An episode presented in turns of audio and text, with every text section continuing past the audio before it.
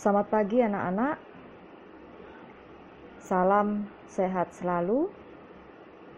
Khususnya untuk anak-anak yang sedang berpuasa.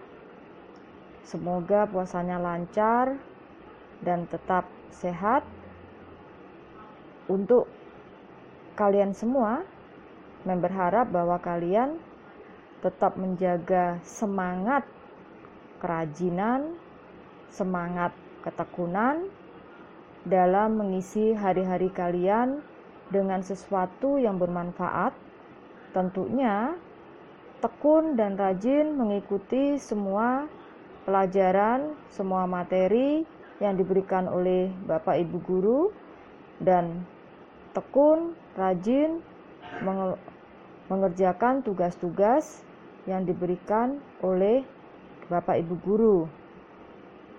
Ingat ya, kalian harus segera mengumpulkan nilai-nilai yang baik.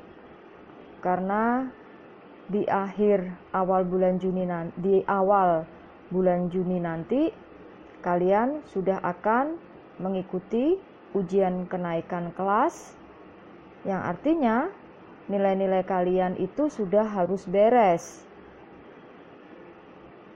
Karena kalau kalian nilainya sudah beres di awal, kalian akan lebih lega lagi karena dipastikan kalian akan naik ke kelas 8. Tapi kalau nilai kalian masih kurang atau belum beres, ini nanti kalian akan kesulitan sendiri untuk menuju ke kelas 8. Baik itu pesan dan nasihat dari Memati ya. Ayo, khususnya untuk kelas Sutomo ini banyak sekali guru-guru yang mengeluh karena sebagian besar dari kalian masih bermalas-malasan, membuang-buang waktu untuk sesuatu yang tidak berguna. Hari ini Memati akan menerangkan materi atau lebih tepatnya mengulang materi surat dinas. Materi ini pastinya sudah diberikan oleh Miss Rian pada waktu itu, tapi karena ini nanti akan menjadi bahan ujian akhir semester, jadi Memati akan mengulang. Oleh karena itu, segera ambil buku bahasa Indonesia kalian saya beri waktu untuk kalian mengambil buku bahasa Indonesia kalian.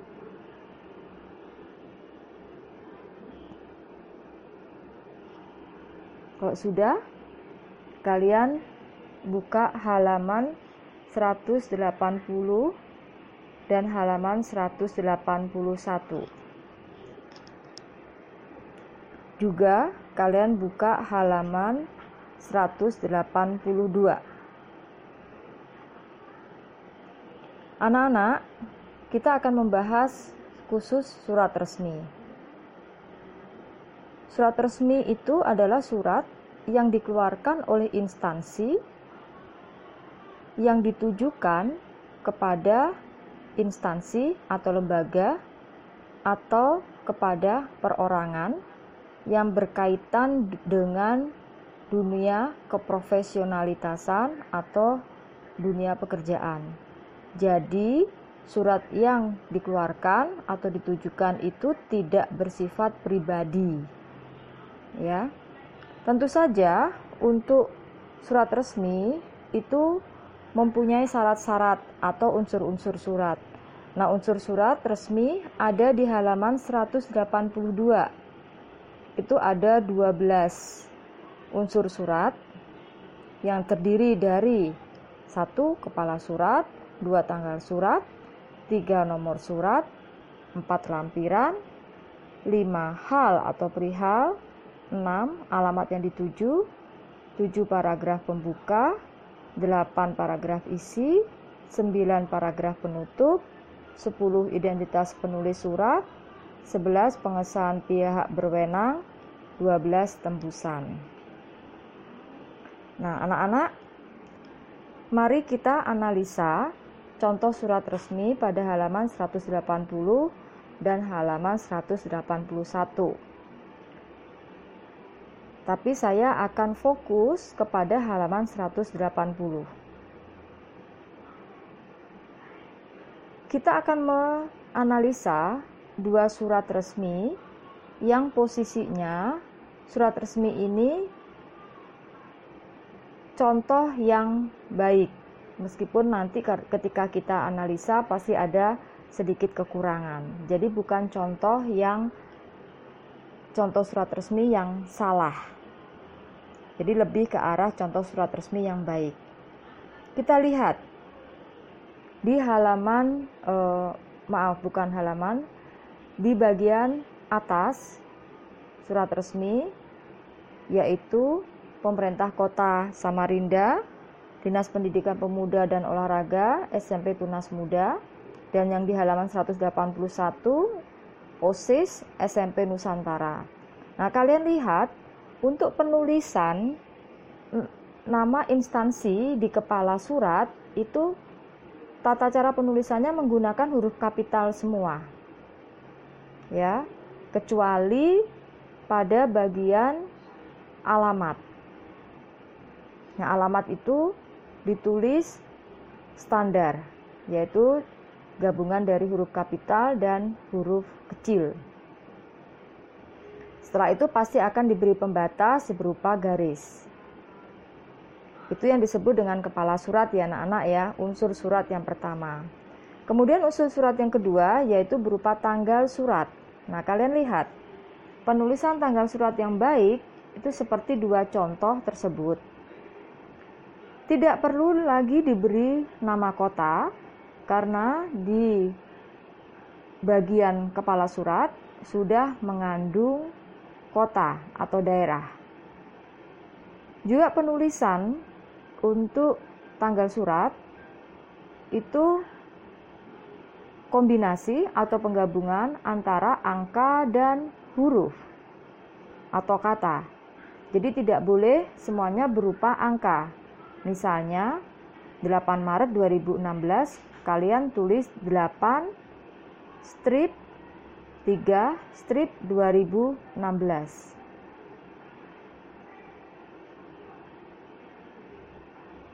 Jelas anak-anak ya. Kemudian kita masuk ke bagian yang ketiga yaitu nomor surat. Nah, kalian lihat di situ. Itu nomor surat terdiri dari angka dan huruf. Apa maksudnya? Nomor surat yang pertama itu nomor 005. Artinya apa? Surat yang pada saat itu dibuat itu adalah surat kelima yang akan dikeluarkan oleh SMP Tunas Muda.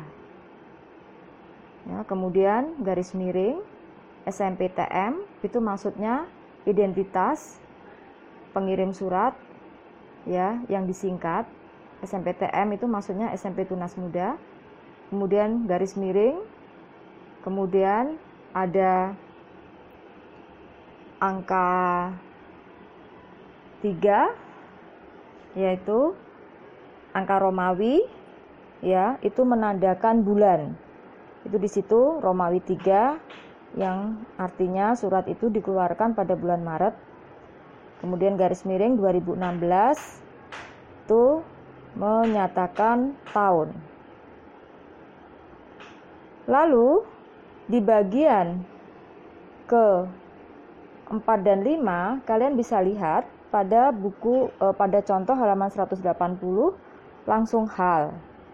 Sedangkan contoh di halaman 181 ada lampiran dulu. Nah, apa yang disebut dengan lampiran? Lampiran itu adalah lembaran yang mengiringi surat tersebut. Jadi, misalnya uh, di halaman 180 itu jika ada lampirannya karena itu bersi, uh, halnya bersifat undangan rapat bisa dilampirkan misalnya denah tempat rapat atau uh, randon acara rapat misalnya. Ya, itu yang disebut dengan lampiran. Nah, lampiran itu cara penulisannya langsung tertuju ada berapa lembar di situ.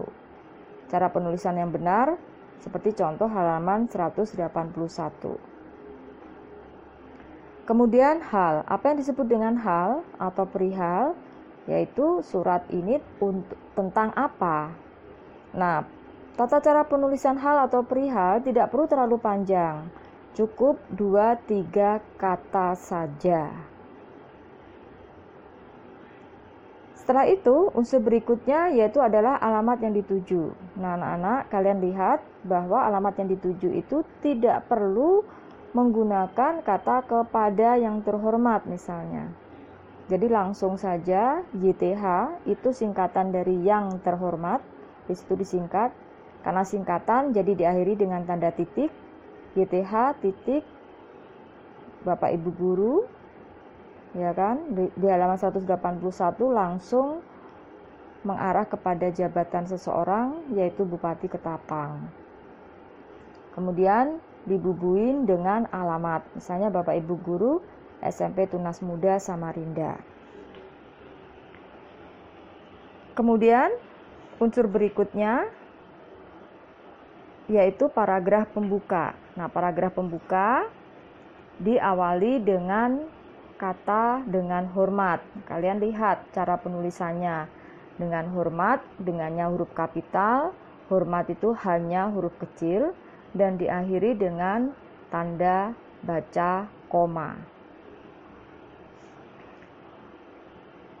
Setelah paragraf pembuka ada yang disebut dengan paragraf isi. Jadi isi dari surat itu apa ureannya? Nah, kalian bisa lihat Contoh di halaman 180 karena itu ada rincian ya, urean rincian. Kalian lihat tata cara penulisannya. Kami mengharap kehadiran Bapak Ibu guru pada pada di situ sebenarnya masih ada lanjutannya. Tapi dalam hal ini cara penulisannya dirinci yaitu hari, tanggal, pukul, tempat acara. Nah, semuanya harus posisinya huruf kecil tidak boleh huruf kapital. Ya, kalian bisa lihat di situ di rincian ya. Jadi rincian urean isi surat. Setelah paragraf isi ada yang disebut dengan paragraf penutup.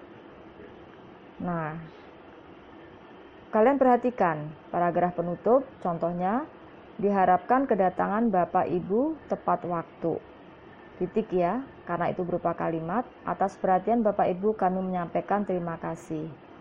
Seringkali kita menemui penulisan paragraf penutup itu atas perhatiannya. Jadi bukan atas perhatian Bapak Ibu.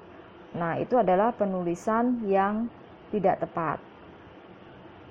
Jadi, penulisan yang benar atau penulisan yang tepat itu menggunakan kata sapaan dalam hal ini kata sapaannya itu Bapak garis miring Ibu.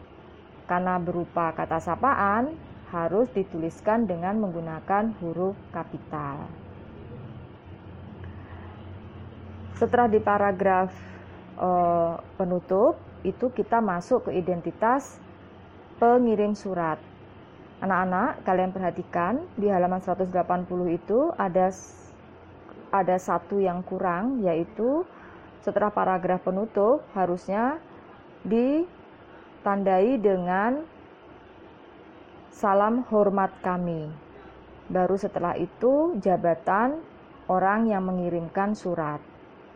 Jadi di halaman 180 itu ada sedikit kekurangan, tapi di halaman 181 itu sudah jelas benar bahwa di situ ada uh, sapaan penutup yaitu hormat kami, koma, kemudian jabatan orang yang mengirimkan.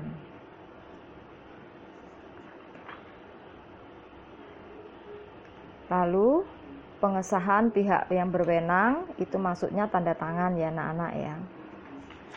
Nah, di nomor 12 unsur surat itu ada yang disebut dengan tembusan. Apa sih yang dimaksud dengan tembusan? Kalian lihat di halaman 181.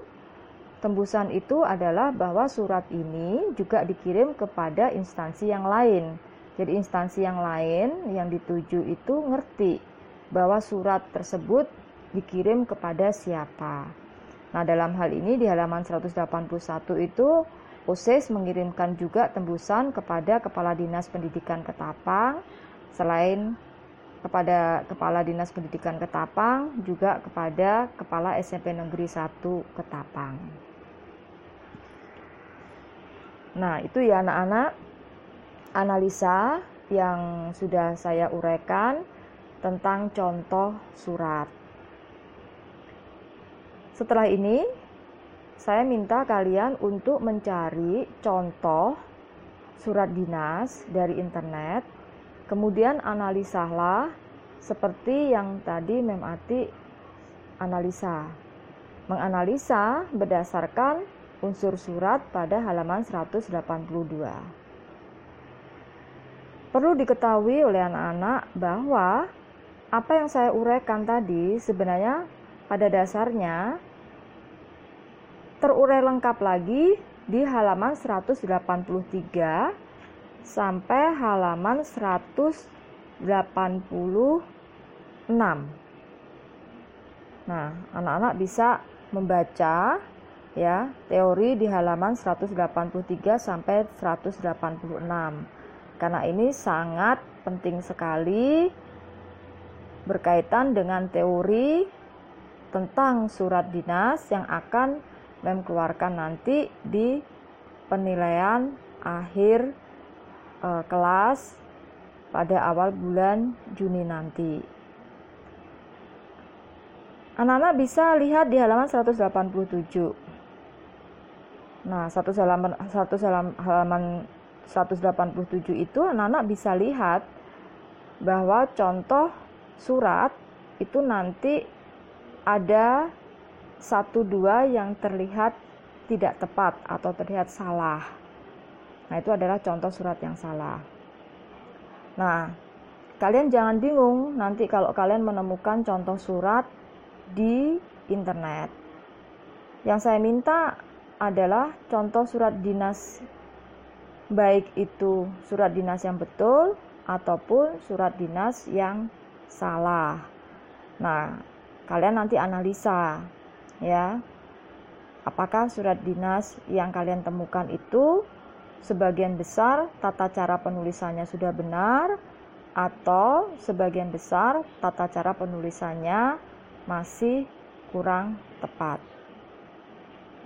Baik anak-anak, nanti untuk e, soal yang berkaitan dengan analisa surat dinas akan mem e, buat di GC yang nanti kalian tinggal uh, mengupload apa yang sudah kalian kerjakan itu di GC.